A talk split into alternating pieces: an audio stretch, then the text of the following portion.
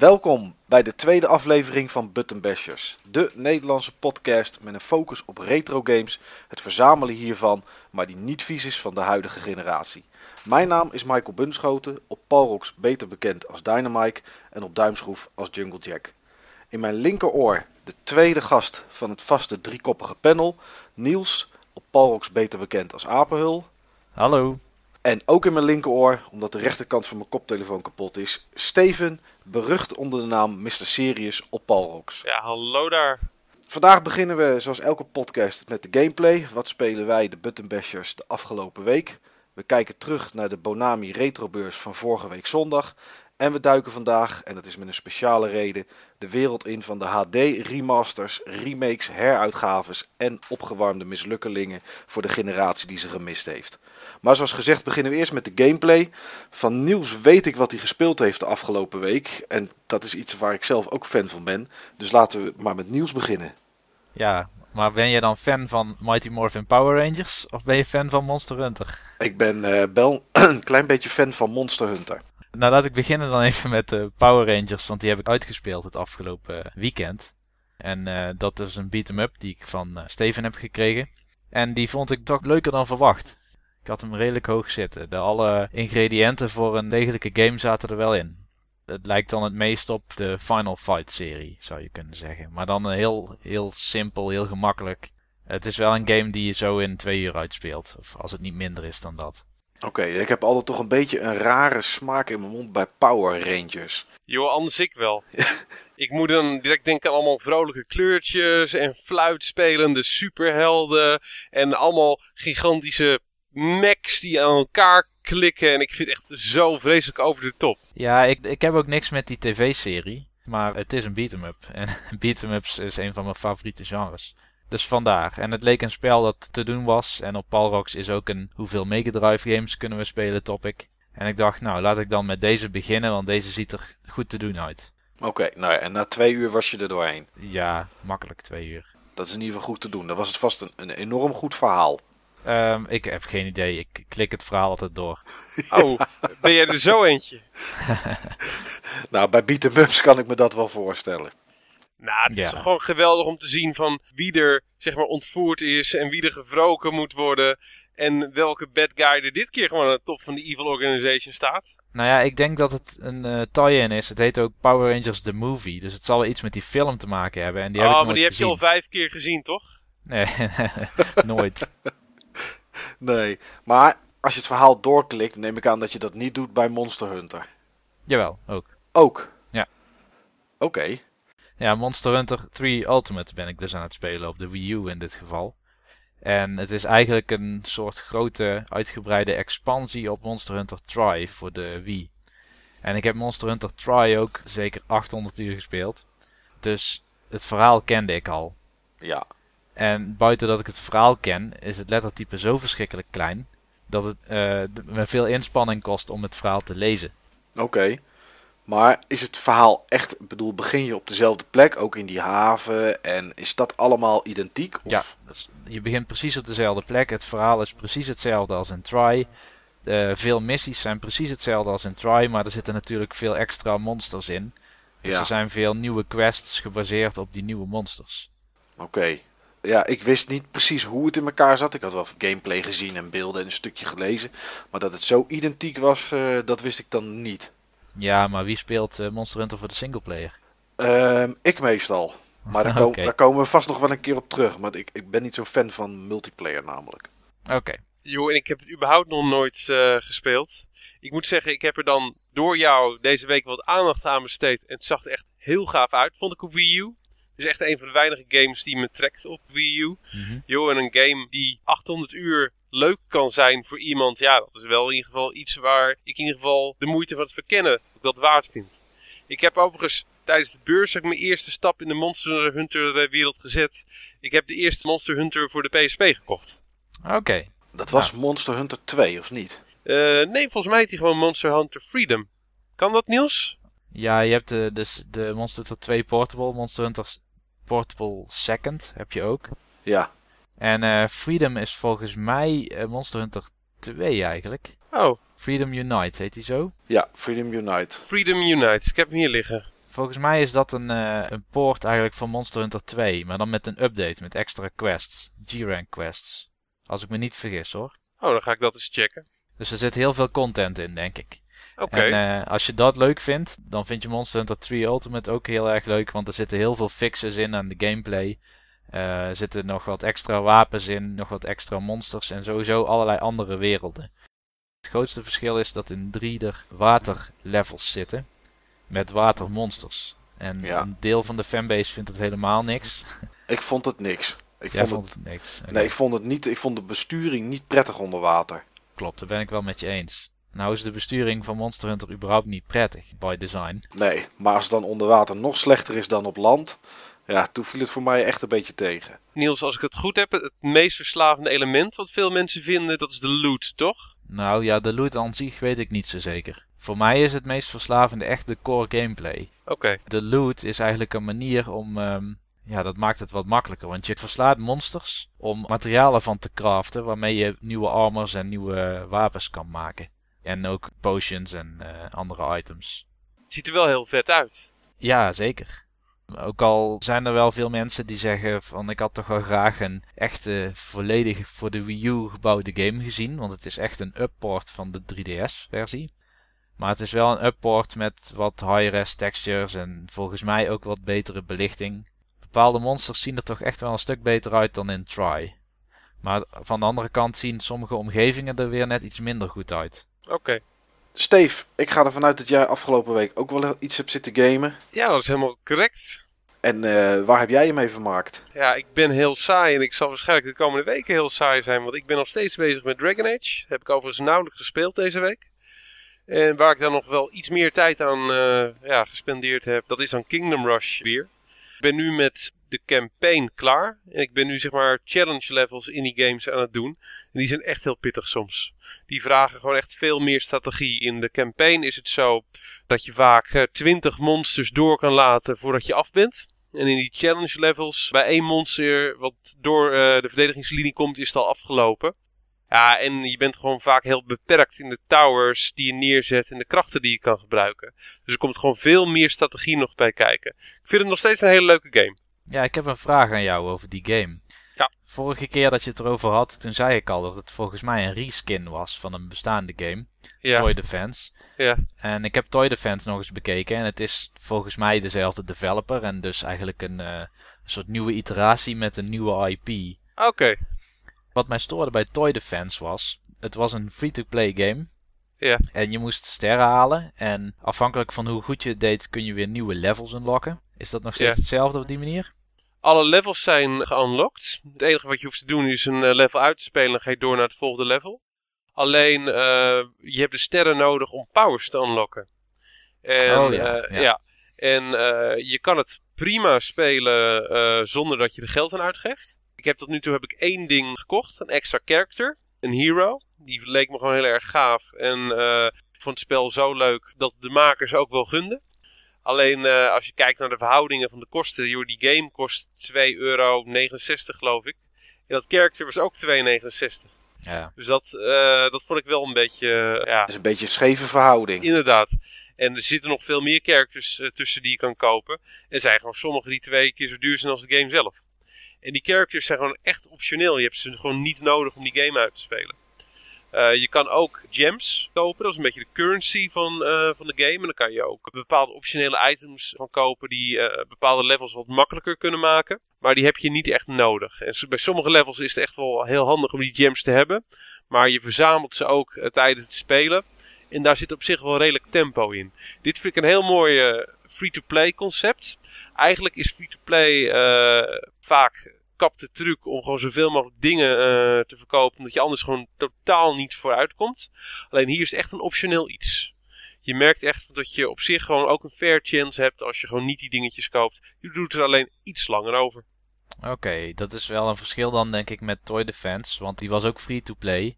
En je kon daar ook inderdaad upgrades kopen met die currency die je verzamelt. Ja. Alleen het is op een gegeven moment gewoon echt bijna niet meer te doen.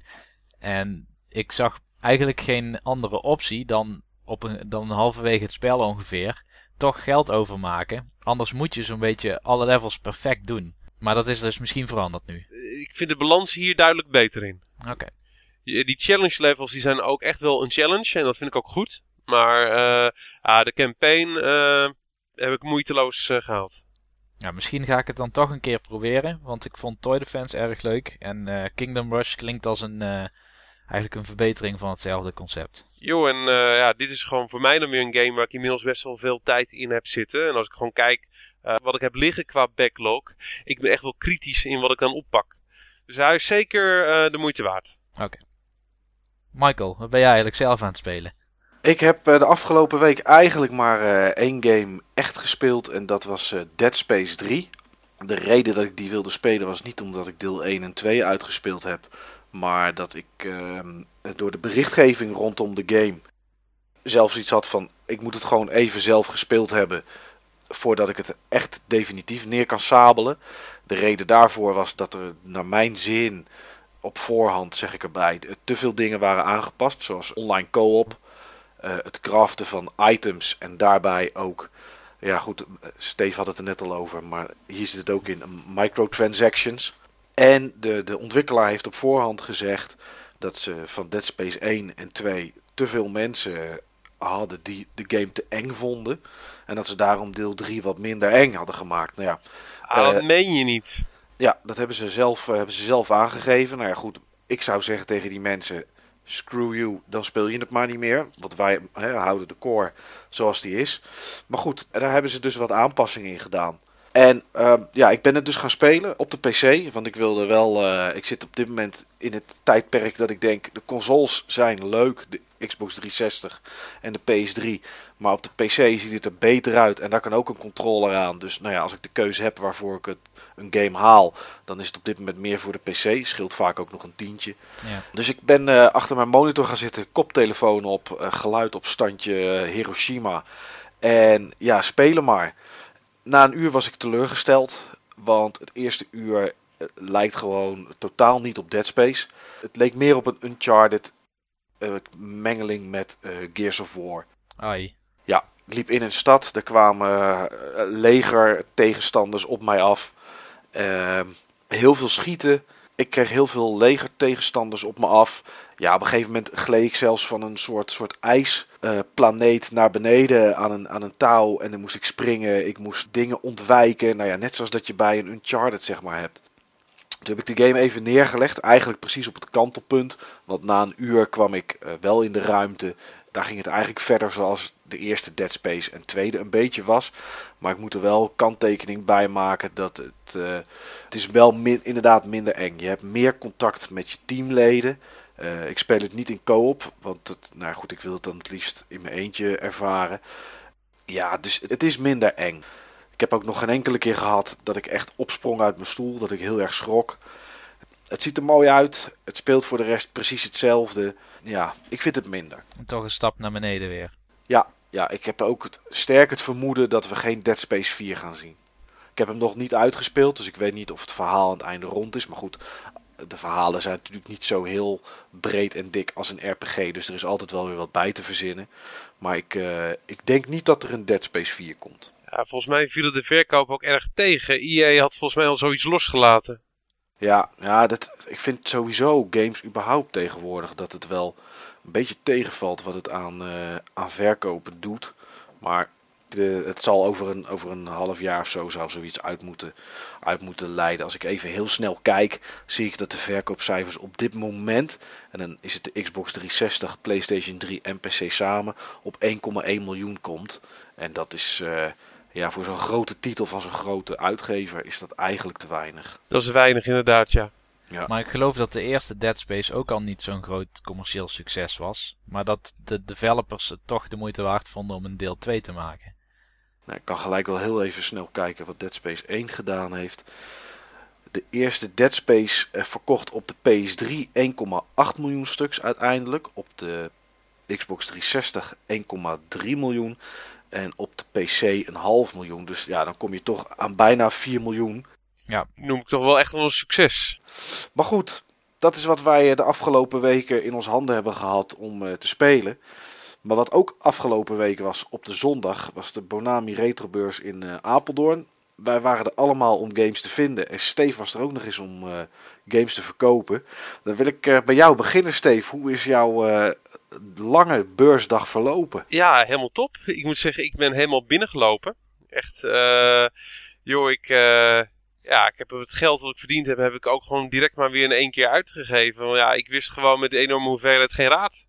Nee, ik zag jou op een gegeven moment kromlopen inderdaad. Ja, dat klopt. Dat klopt. Ja. Echt, Joh, ik heb ook echt in jaren gewoon niet zoveel geld in mijn portemonnee gehad. Wat ik op die dag had verdiend. Dus ja, dan, dan moet je er ook wel wat mee, hè? Ja, 5 euro geloof ik. 5 euro inderdaad, ja. Ja. Ik moet wel zeggen, uh, de belangrijkste reden waarom ik daar stond met een tafeltje, omdat ik met een stel vrienden was en ik kon daar een deel van een tafeltje krijgen. Eigenlijk ook helemaal niet zulke bijzondere spullen ervoor. Ik had een tijdje geleden had ik wel wat leuke dingen, maar die had ik echt allemaal via Palrox en Marktplaats al verkocht. Dus ik had echt gewoon heel weinig over. Maar ik had zoiets van, joh, je verkoopt altijd al wat. Je hebt, voor je hebt daarnaast ook een uh, homebase waar je spullen kan, uh, kan droppen op het moment dat je het ergens binnen hebt uh, gehaald. En joh, je bent vroeg op die beurs en je hebt gewoon een grotere kans om de echt gave dingen aan het begin van die beurs te vinden. Is dat niet helemaal gelukt? Maar joh, ik vond het zeker de moeite waard om op deze manier heel vroeg te zijn en tot heel laat. Je pakt die beurs op een hele andere manier mee, ook qua sfeer, de sfeer van het opbouwen. Je hebt nog meer tijd om met ja, alle mensen die je kent in de scene te praten. Ik vond het leuk. Als we kijken naar wat je zelf gekocht hebt die dag, als je er eventjes de drie mooiste items daaruit uh, wil halen. De drie mooiste items? Dat is een goede vraag. Ik heb ze hier allemaal, ik had hem overigens wel verwacht, dus ik heb ze hier allemaal echt voor me uh, liggen, zodat ik zeg maar ze nog eventjes kan bekijken tijdens de vraag zelf. Ja, ik kan ze wel noemen. Ik kan ze wel noemen. Uh, de drie mooiste items. Uh, eigenlijk zijn het er vier, want twee die tel ik dan eventjes samen. Altijd smokkelen. Ja, altijd smokkelen. Op drie zet ik Out to Lunch, Pierre Le Chef voor de SNES. Daar heb ik echt een hele mooie CB van gekocht. Voor een leuk prijsje. En uh, het was eigenlijk een van de laatste items die ik heb gekocht op de beurs. Dus uh, ja, het was een uh, verrassing dat ik hem vond. Ik was al echt heel vaak er langs gelopen, maar ik zag hem opeens liggen. Op twee zet ik Street Gangs en Punch-Out voor de NES. Die tel ik samen omdat ik ze samen in een, ja, in een package deal heb gekocht. Bij Steven, mijn naamgenoot van Video Game World. Toffe gast, en ken ik al lang en die had een ja, leuk combiprijsje voor me gemaakt. Dus uh, Steve, hartstikke bedankt. Ja, op één zet ik dan een item wat ik gewoon heel leuk vind om er een projectje van te maken. Ook een leuke prijs bij een goede bekende van me, Bart. heb ik een los doosje van gekocht. Helemaal mint, ongevouwen, van Benjo Tooie ja, is een doosje wat vroeger gebruikt had kunnen worden in winkels om neer te zetten om de schappen te vullen. Zodat daar niet de echte games in hoefden te staan. Hadden ze vaak not for resale doosjes voor. Op de achterkant een kleine markering. Deze heeft dat niet. Het is echt gewoon een retail doosje. En uh, ja, ik uh, ga dus de komende weken ga ik mijn best doen om ja, dat doosje te vullen. Daar hou ik van. Kun je bij de Sligo gaan werken, hè? Ja, inderdaad. Oh, dat is wel mooi. Niels, nu we jou toch uh, horen, uh, wat heb jij uh, beleefd op de beurs en vooral welke drie items heb jij gekocht? Ja, ik kwam natuurlijk wat later binnen dan jullie. Ik kwam rond het middaguur en ik stond even in de bar om een colaatje te halen en ik hoorde een bekende stem. En die was van Michael. Ja. Want wij hadden elkaar nog nooit in het echt ontmoet, hè? Nee, dat klopt. Dus dat vond ik wel grappig. Ik zag je ook met een 3DS, had je blijkbaar gestreetpast ook nog. Ja, ja, klopt. Ik had het, uh, smiddags zag ik ook inderdaad dat ik jou tegen was gekomen, ja. Ja, dus zo begon mijn beurs. En je begon eigenlijk meteen over de goede zaken die, uh, die Steve had gedaan al die dag. Ja. Oh, oh je stond het al trots te vertellen. Ja, natuurlijk. Als ik ergens, als ik deel kan zijn van geschiedenis, dan laat ik dat niet na. En we waren er allemaal bij, hè? Bij die geschiedenis. Ja. Maar goed, ja, ik heb eigenlijk uh, vrij snel toen een rondje gemaakt. Want ik was bang dat alle leuke dingen al weg zouden zijn. Ik heb ook niet gevonden wat ik, waar ik eigenlijk naar zocht. Nou ja, een paar items wel. Ik Doom 64 wilde ik per se kopen. Die heb ik gevonden. Maar verder heb ik eigenlijk niks gevonden wat ik wilde hebben. En toch ben ik weer met een tas games naar huis gegaan. Oké. Okay. En uh, de, de drie mooiste items eruit? Ja, nou, ik wil nog heel even melden oh, dat, ik uh, nadat ik Steve aan het eind van de dag zag met zijn uh, Complete Unbox Out to Launch, heb ik ook maar snel even die cartridge gekocht. Want ik dacht, hé, hey, misschien is dat dus inderdaad wel een leuk spel. Maar Steve, Ik Ja. vind hem tot nu toe nog niet zo heel erg geweldig leuk. Oké, hij valt tegen. nee, het is een charmant spelletje, maar het is vrij Ja. simpel. Eh, heb je het eh, wel eens gespeeld?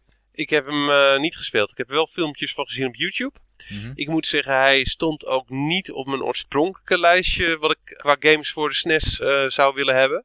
Maar ik had er laatst wat van gezien. Ik was een keertje ook met die game bezig op Marktplaats en was toen net niet doorgegaan. En dit was gewoon echt een prima prijs. Super strak. Gewoon eentje die eh, op een goede manier in mijn collectie zou passen. Ik had zoiets van, joh, ik geef hem een kans. Ja, het is geen slechte game hoor. Dat, dat zeker niet.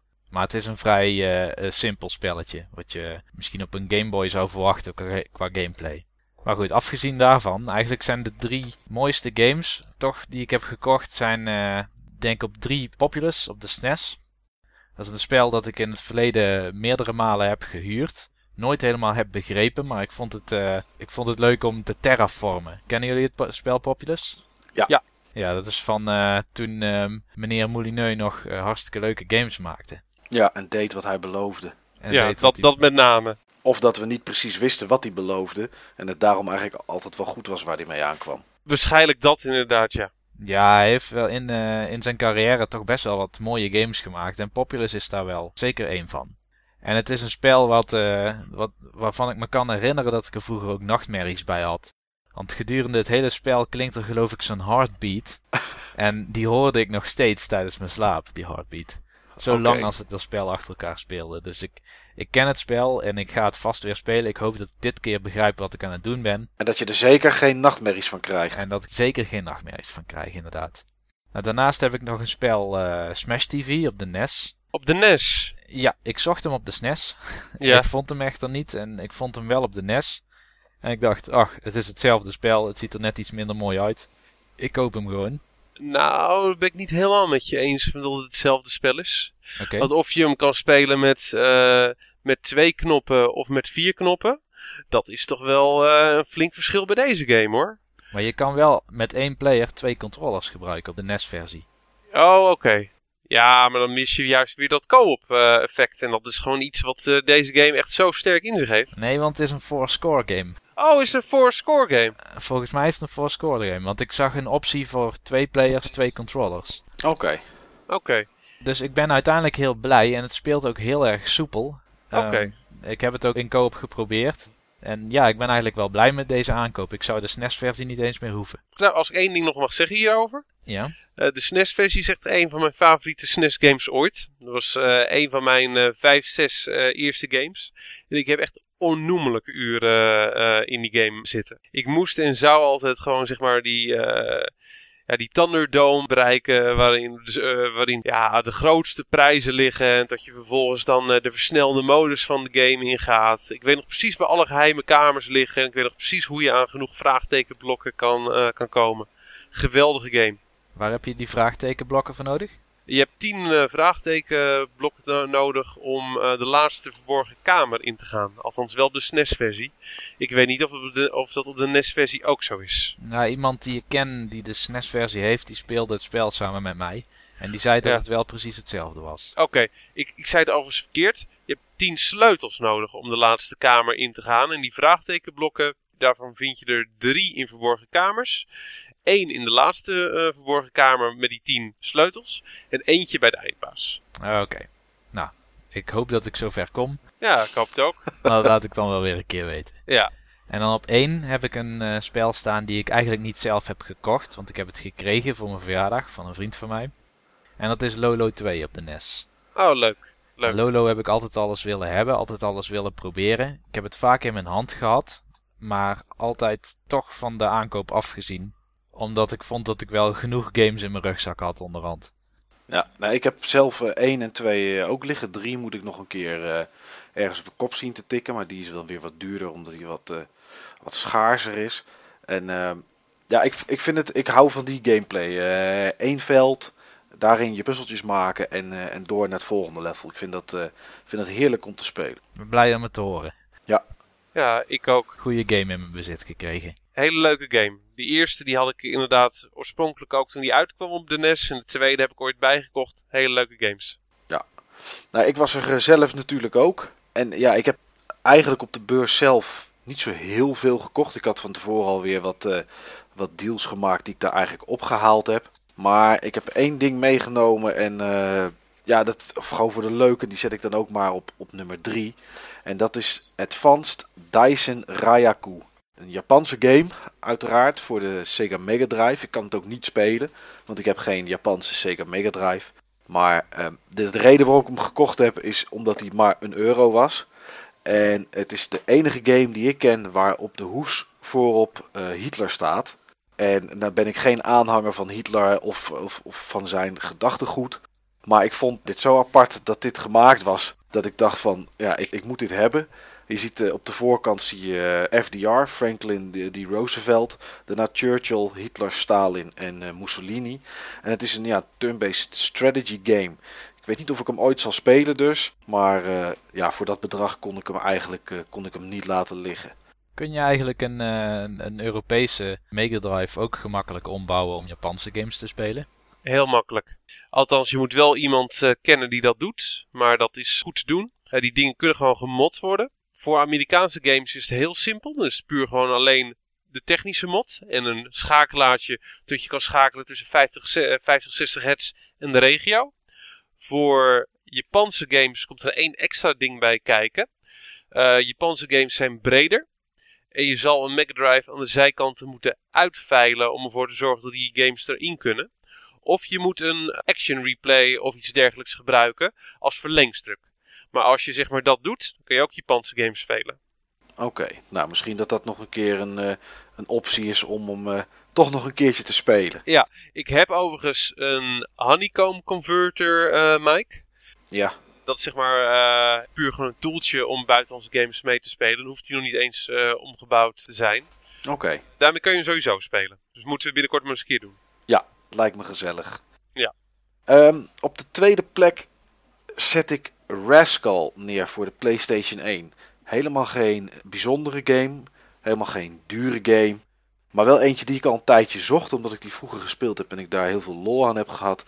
En daarbij, en dan zegt Niels natuurlijk, ja, dat snap ik. Hij is van Psychnosis.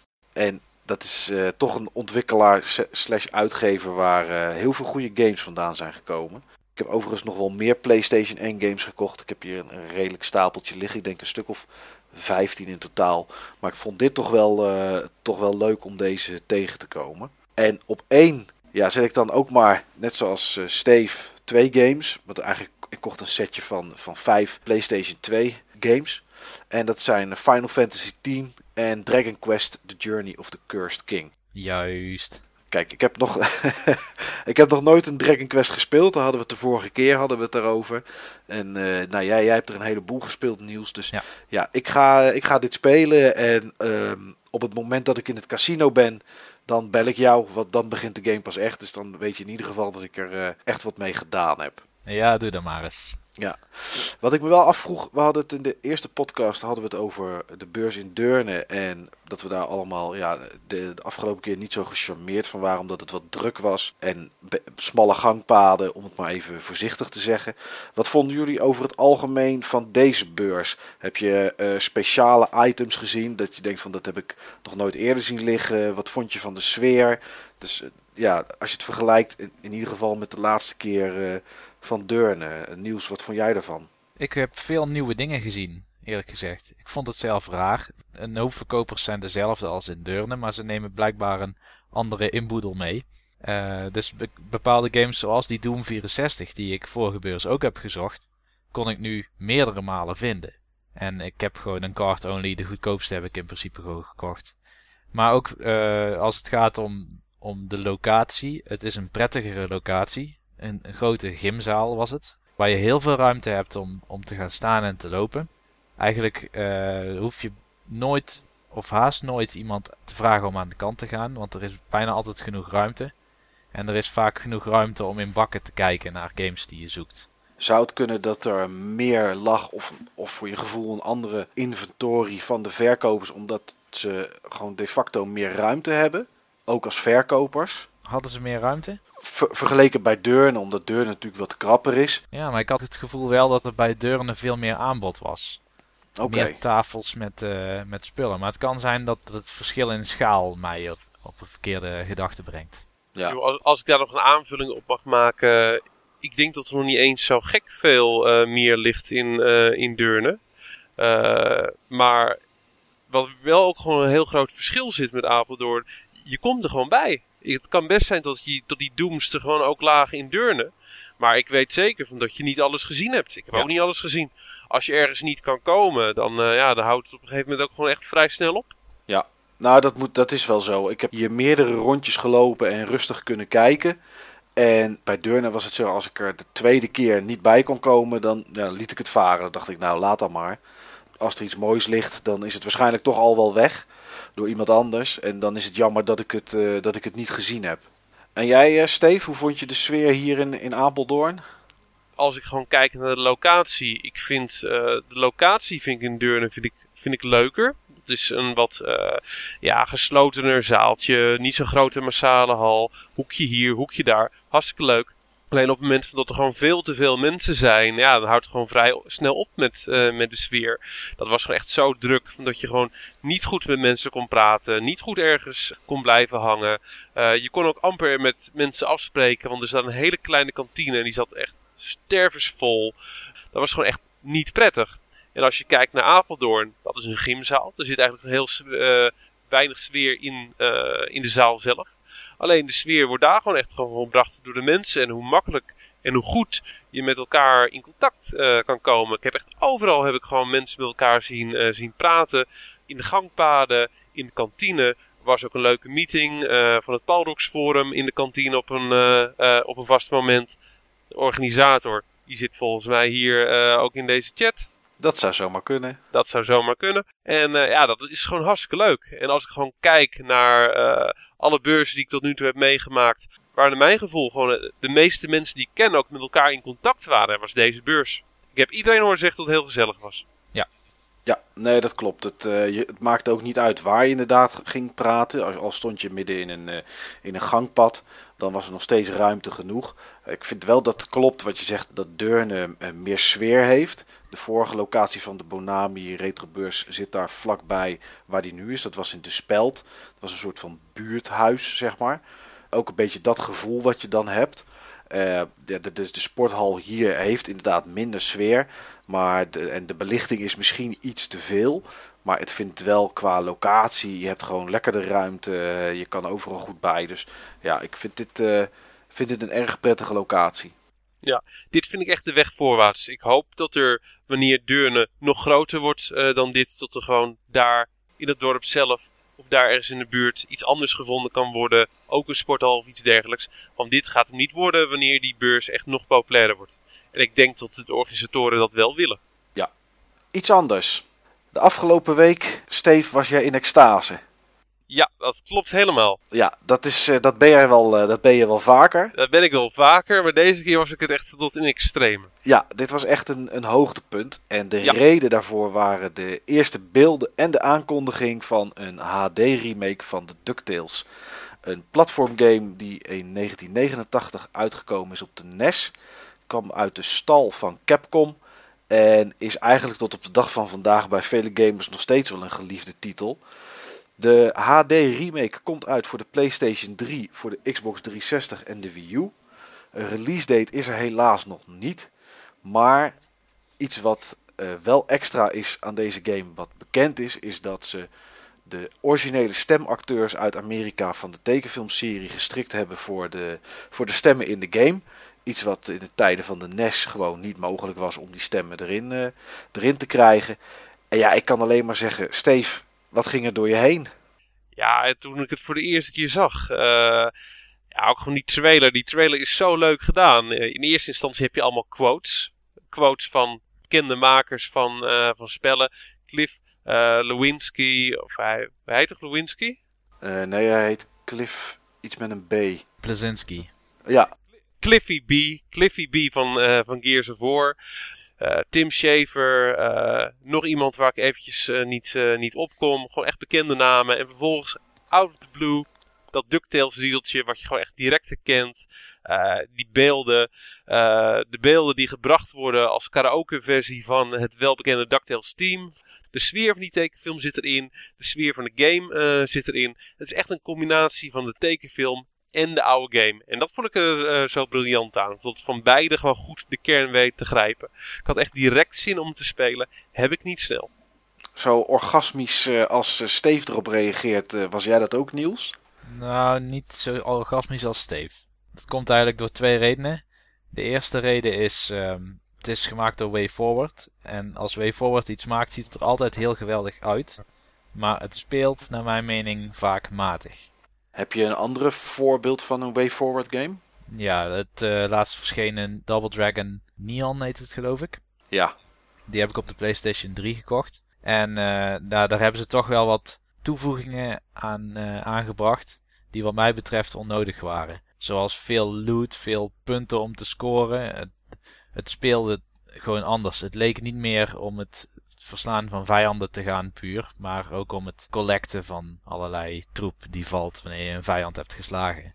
Oké. En dat is toch wel iets wat ze vaker doen ook. En de tweede reden?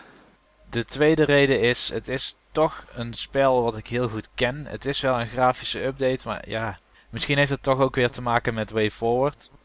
Ik geloof zeker dat het spel er echt goed uit gaat zien, maar ik ben gewoon bang dat het niet zo speelt en ook niet meer appelleert aan die kinderlijke herinneringen. Oké, ja, dat is iets wat ik denk dat heel veel mensen hebben, wat wij zelf ook waarschijnlijk wel eens hebben. Als je een, eh, een retro game op de kop tikt, die je vroeger helemaal geweldig vond, nu opnieuw speelt, dat die, dat die soms wel iets tegen kan vallen. Is dat, is dat waar je bang voor bent? Dat is waar ik bang voor ben. Maar niet dat die tegenvalt omdat die game tegen zou vallen, want ik heb hem en ik speel hem nog af en toe.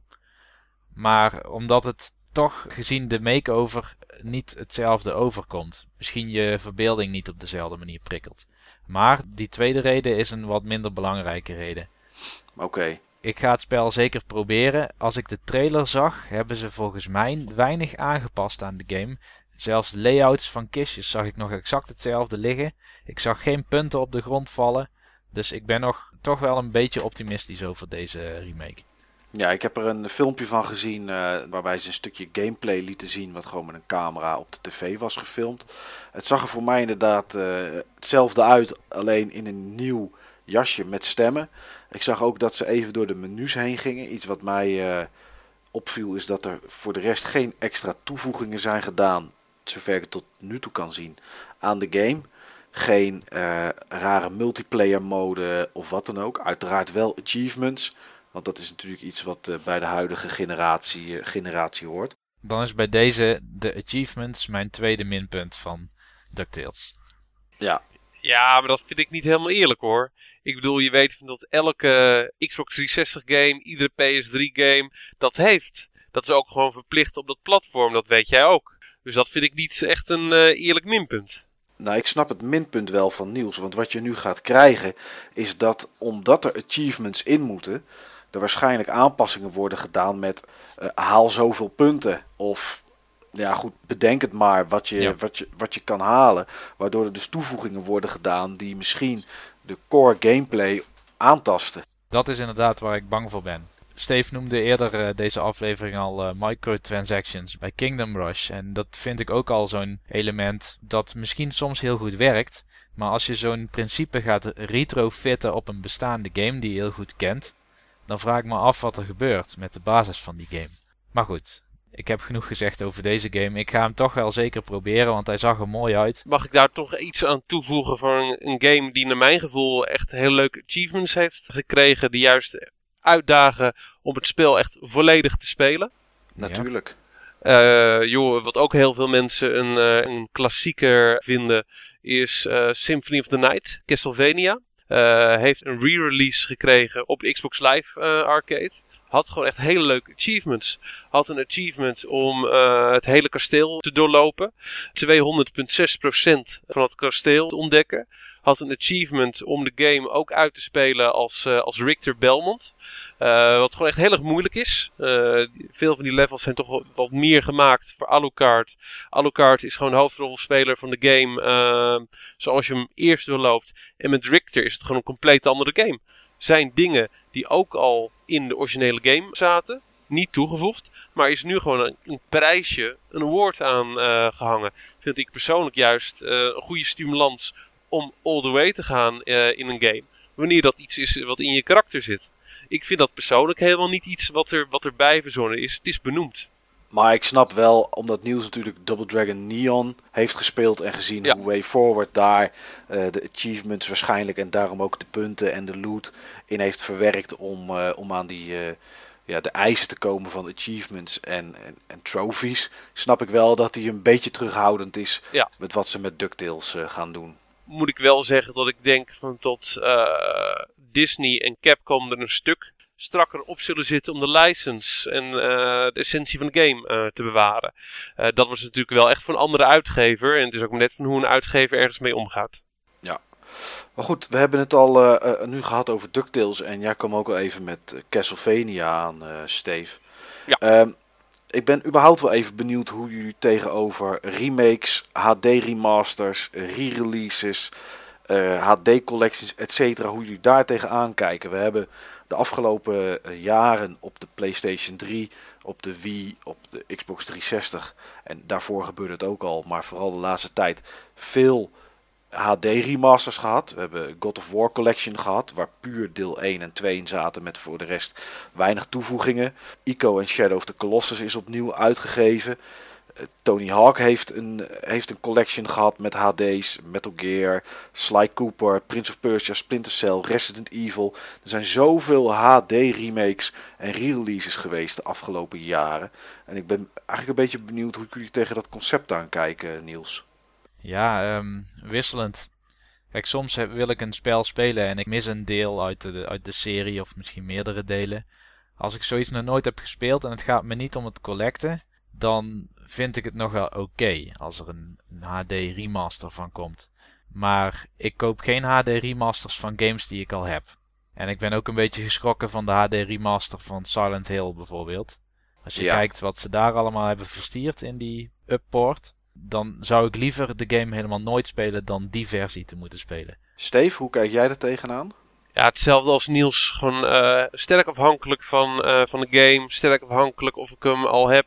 Eh, volledig afhankelijk van wat is toegevoegd. Joh, om wat voorbeelden aan te halen. Die God of War ehm, collection waar jij het over had, eh, heb ik ook. Die games had ik oorspronkelijk nog niet op de PlayStation 2. Ik wou ze toch wel hebben. En eh, joh, met name God of War 2, eh, die is gewoon helemaal uitgebracht aan het einde van het leven van eh, de PlayStation 2. Die piepte en kraakte op het gebied van performance. Die framerate was gewoon gigantisch wisselend. Ja, en op de PlayStation 3 is hij gewoon helemaal strak. Dan voegt het nog niet eens iets toe qua sterk verbeterde graphics of, eh, of nieuwe snufjes. Maar de kern van de game komt gewoon beter naar voren. God of War heeft gewoon baat bij een goede framerate. Dus dan heb ik zoiets van ja, dan speel ik hem liever op, op zijn best op de PlayStation 3 dat ik hem op de PlayStation 2 ga spelen. Maar om een ander voorbeeld eh, aan te halen waar ik weinig mee heb, is bijvoorbeeld die, die Prince of Persia collectie. Die games heb ik wel, heb ik op Xbox. Ja, en als je gewoon kijkt wat, eh, wat daarmee toegevoegd wordt uh, qua HD graphics en HD textures, dat is gewoon niks. Dat is gewoon niks. Dat is gewoon een hele lichte upscaling. Ja, dat is het. Dat is gewoon een veredeld roverschilde als je op die manier dat gaat sponsoren. Nou, dat ga ik niet doen. Nee, nou ja, goed. Ik heb zelf een, redelijk sterke mening over, maar ik moet ook gelijk aangeven dat ik daar niet zo heel consequent in ben. Um, ik vind het eigenlijk vind ik het allemaal niks. Ik ben sowieso een voorstander van ik, om de games te spelen op het platform waarop ze horen. Um, ik ben ook geen fan van, van emulator en, en, en, en dat soort spul. Ik speel het het liefst gewoon dus op het platform waar het op uitkomt. Waarom ik zei dat ik er niet zo heel consequent in ben, is dat ik wel de God of War collectie heb gekocht. Uh, puur om de reden dat ik hem niet had liggen voor de PS2, alle twee delen, net zoals jij, Steve. En deel 3 ik al in bestelling had staan, dus ik wilde eigenlijk 1 en 2 wel eventjes nog gespeeld hebben. De Ico en Shadow of the Colossus HD remake heb ik ook gekocht. Um, puur omdat ik die wilde spelen, maar ook mijn vriendin. En we dan niet alle twee naar zolder hoefden, maar gewoon in de huiskamer konden zitten. Daarbij hebben ze die games ook nog eens omgezet naar 3D. Wat zeker voor ICO erg goed werkt en er ook erg leuk uitziet. Maar ik moet wel zeggen dat ik wel een beetje moe ben geworden van alle HD, HD remakes die er daarna uit zijn gekomen. En zeker, dat vind ik eigenlijk toppunt van alles, is Tony Hawk. Waarvan ik gewoon, hij was gelukkig ook heel slecht.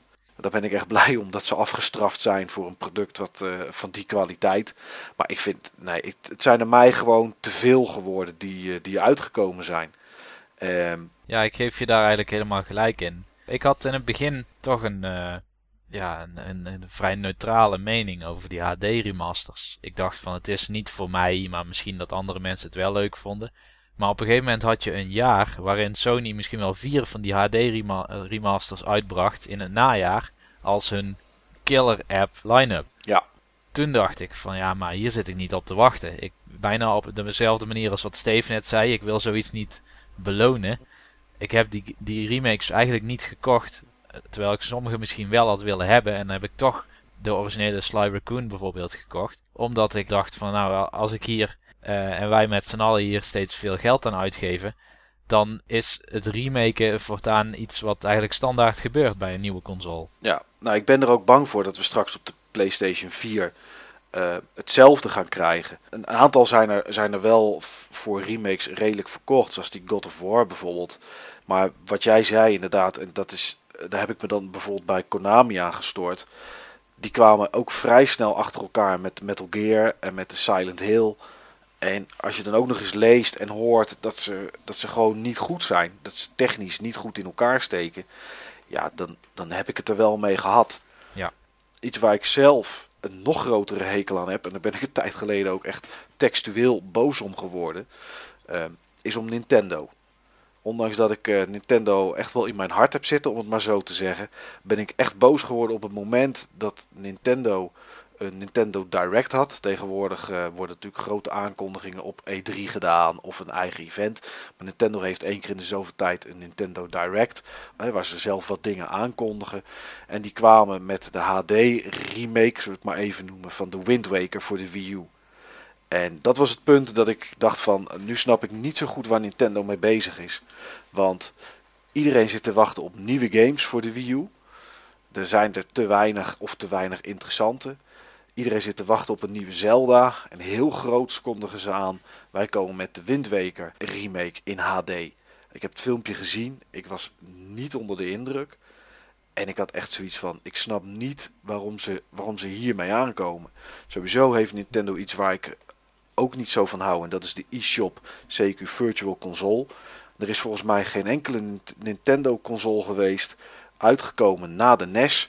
Waar je de originele Super Mario Bros. en de originele Legend of Zelda niet op kon spelen. Niet eens in HD, gewoon één op één overgezet. Maakt niet uit welk apparaat je hebt, je kan het overal op spelen. Ik, voor mij is dat echt too much. Ja, daar zijn ze ook wel een beetje in doorgeslagen. Het is gewoon easy money wat je op die manier kan verdienen door zo'n standaard, zo'n emulator, want het is in feite gewoon in te bouwen in je hardware en software en vervolgens maar gewoon ja, erop te zetten wat je bij elkaar kunt schrapen qua eigen licenties of qua licenties van de bedrijven waar je toch al jaren zaken mee doet. Ja, ik denk wel dat mensen daadwerkelijk ook die games kopen. Of eigenlijk zijn het gewoon licenties. Eh, het is gewoon pure DRM, vaak ook voor dingen die je gewoon al, lang en breed hebt. Of wil je het gewoon makkelijk kunnen spelen op je 3DS on the go, moet je gewoon iets betalen wat je eigenlijk gewoon al lang en breed hebt. Stoort me ook, doe ik ook niet aan mee. Oké, ik heb wel eerlijk gezegd iets van 70 eh, Virtual Console games. En dat zijn bijna allemaal Sega games, omdat ik die systemen vroeger niet heb gehad. Dus ik heb daar eerlijk gezegd wel aan meegedaan. En de Virtual Console aan zich stoort mij niet. Ik vind het een mooie manier voor mensen die eh, geen verzamelinteresse hebben om toch nog die oude spellen te kunnen gaan spelen. Maar wat me wel stoort is dat je nu als Wii U gebruiker opnieuw moet gaan betalen dadelijk. Voor al die spellen die je eigenlijk nu al misschien wel voor de derde keer Ja. hebt gekocht. Ja, dat is iets waar ik met mijn pet niet bij kan. Ik heb een keer aan Nintendo gevraagd of er verkoopcijfers waren van de e-shop. Voor hun waren die er wel, voor, eh, voor de pers waren die er niet. Omdat ik gewoon echt ernstig benieuwd was hoeveel mensen nu nog op de 3DS eh, Legend of Zelda of, of Super Mario Bros. had gekocht. Maar helaas kreeg ik daar geen antwoord op. Maar even jullie mening nog over het eerste waar ik het daarin had. Eh, Legend of Zelda Wind Waker in HD voor de Wii U. Vond je dat iets dat je dacht van daar loop ik warm voor? Of was dat toch een beetje een natte taart? Ja, voor, mij geen van tweeën. Ik sta er dan iets neutraler in. Eh Wind Waker vind ik gewoon een hele mooie game. En ik vond er persoonlijk echt wel wat mooier uitzien. Eh, je zag gewoon dat die eh, belichting echt veel beter was. En ik vind wel dat die artstijl juist in HD gewoon een stuk beter naar voren komt. Ja, maar het blijft gewoon oude wijn. In oude kruiken eigenlijk. Het verschil is, is toch relatief klein als je bijvoorbeeld vergelijkt met zo'n DuckTales. En ehm, ja, ik kan me goed voorstellen dat mensen zoals jij daar uh, die mening over, uh, over hebben. Ik denk ook dat het voor veel mensen geen must uh, zal zijn. Maar daarentegen, het blijft ook Zelda. Een grote schade fans, grote me schade mensen die het toch wel koopt. Zal ongetwijfeld hier ook het geval bij zijn. Overigens nog één vraag over deze game. Um, komt hij nou fysiek uit of wordt het puur een download? Ik geloof dat de meningen daarover verdeeld zijn. Hij is sowieso ter download. Ik weet niet 100% zeker of hij ook fysiek uitkomt. Ik denk het, denk het wel. Ik denk het ook wel, omdat er mensen zijn die het willen hebben. En even terug te komen heel snel. Windweker is denk ik mijn favoriete Zelda ooit. Ik vond dat echt een geweldige game. Dus daar, eh, als mensen nu zitten te luisteren en denken, hij vond gewoon de Windweker niks aan en daarom kan hij dat makkelijk roepen. Nee, dat is het niet. Ik vond de Windweker echt een goede game. Maar het werd met zoveel bombarie aangekondigd dat ik dacht van, nou, hier moet iets geweldigs komen. En ja, dat was het voor mij niet. Uh, Niels, hoe kijk, jij, hoe kijk jij erop, op die Windweker remake? Ja, wel ongeveer hetzelfde als jij, uh, Michael. Ik, uh, ik zag de aankondiging. Toen ze het lieten zien, dacht ik: waarom zijn ze dit aan het doen? Waarom zijn ze niet gewoon dezelfde, de, de volgende Zelda aan het maken in plaats van deze remaster? Um, overigens had ik niet het idee dat het spel nog steeds cel-shaded was. Volgens mij is het een compleet nieuwe renderer die ze hebben aangesloten. Ik durf het niet te zeggen. Ik denk, ik denk dat ik er nog een keer een nieuwe trailer met wat meer gameplay van zou moeten zien om dat te beoordelen. Het zag er vrij rond uit, in mijn herinnering in ieder geval. En met extreem veel ja. bloem en dergelijke. Maar ja, om ja, mijn mening daar toch over te geven. Ik denk niet dat ik een, zo snel een game zal kopen die alleen maar een cosmetische update heeft gehad. En dat is bij deze game eigenlijk wel het geval, denk ik. Ik weet niet of dat ze misschien nog interessante dingen met die gamepad gaan doen. Maar bijvoorbeeld um, uh, in de pilot van de podcast heb ik gezegd dat ik Zelda Ocarina of Time aan het spelen ja. was op de 3DS. En daar ben ik dan weer wel heel positief over. Omdat het toch een aantal verbeteringen, met name in de controls. Ja, en de framerate. En de framerate bijvoorbeeld. Het was niet alleen een cosmetische update. Dus daar ben ik wel heel positief over geweest. Maar deze Windweker, ik weet eerlijk gezegd niet zo goed wat ik ervan moet denken. Maar ik vind het jammer dat Nintendo nu daar aandacht aan het besteden. Terwijl ze ook bezig zouden kunnen zijn met of een nieuwe franchise of de volgende Zelda game.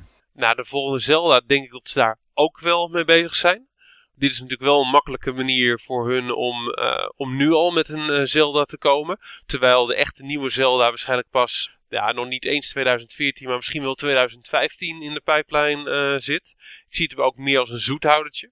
Ja, maar nieuwe franchises, daar ben ik gewoon volledig uh, mee eens. Hier bereik je gewoon geen nieuw publiek mee. Dit is gewoon het oude, vertrouwde Nintendo publiek. Wat voor een groot deel waarschijnlijk al zo'n Wii U in huis gehaald heeft voor Mario. En uh, voor de dingen waarvan ze toch wel weten dat het komt of hopen dat het erop komt. En volgens mij hebben ze qua verkoopcijfers toch echt wel meer nodig dan die hardcore fans. Oké, de laatste vraag die ik nog wel even hieromtrend had, en dat is ook een mooie tijd om de podcast te gaan afsluiten, is iets wat Niels, wat net zo al zei. Hij gaat de Windweker is voor hem geen must-have, tenzij er echt iets heel erg aan veranderd is. Stel er komt een remake van een game uit die je vroeger heel erg interessant vond, leuk vond, uren hebt gespeeld. Wat moeten ze eraan verbeteren? Wil die het waard zijn voor jou om hem te kopen, Niels? Um, ja, dat is denk ik dan toch een verbetering in de controls met name.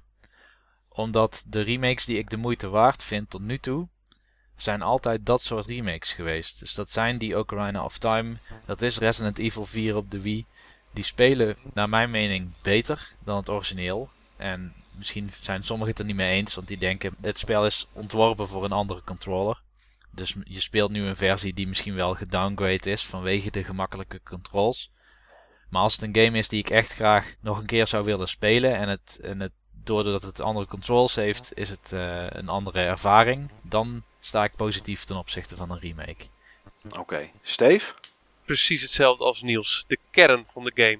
Controls framerate, controls en technische performance.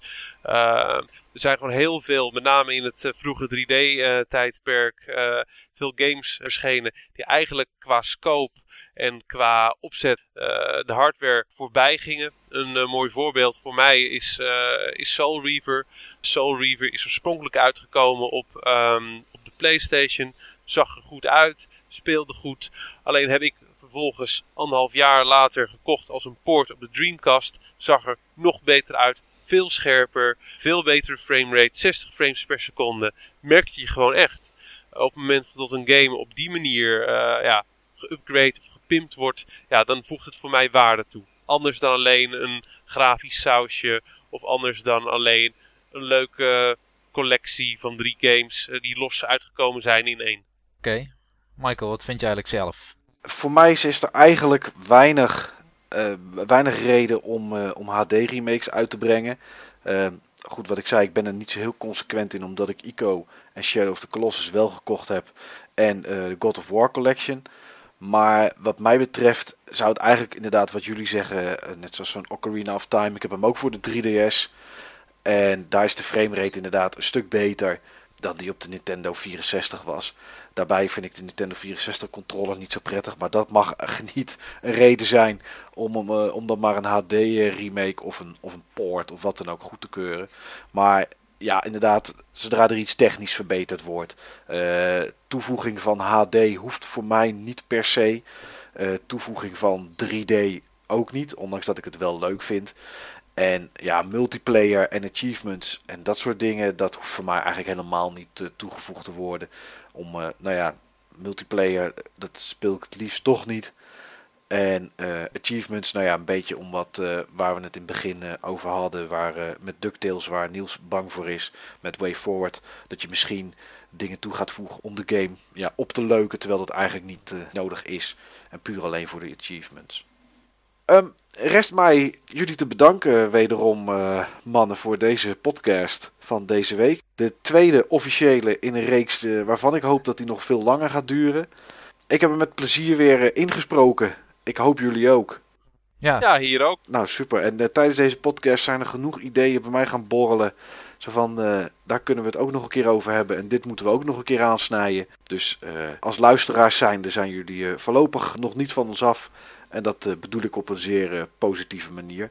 En dan kan ik alleen maar zeggen: tot de volgende podcast.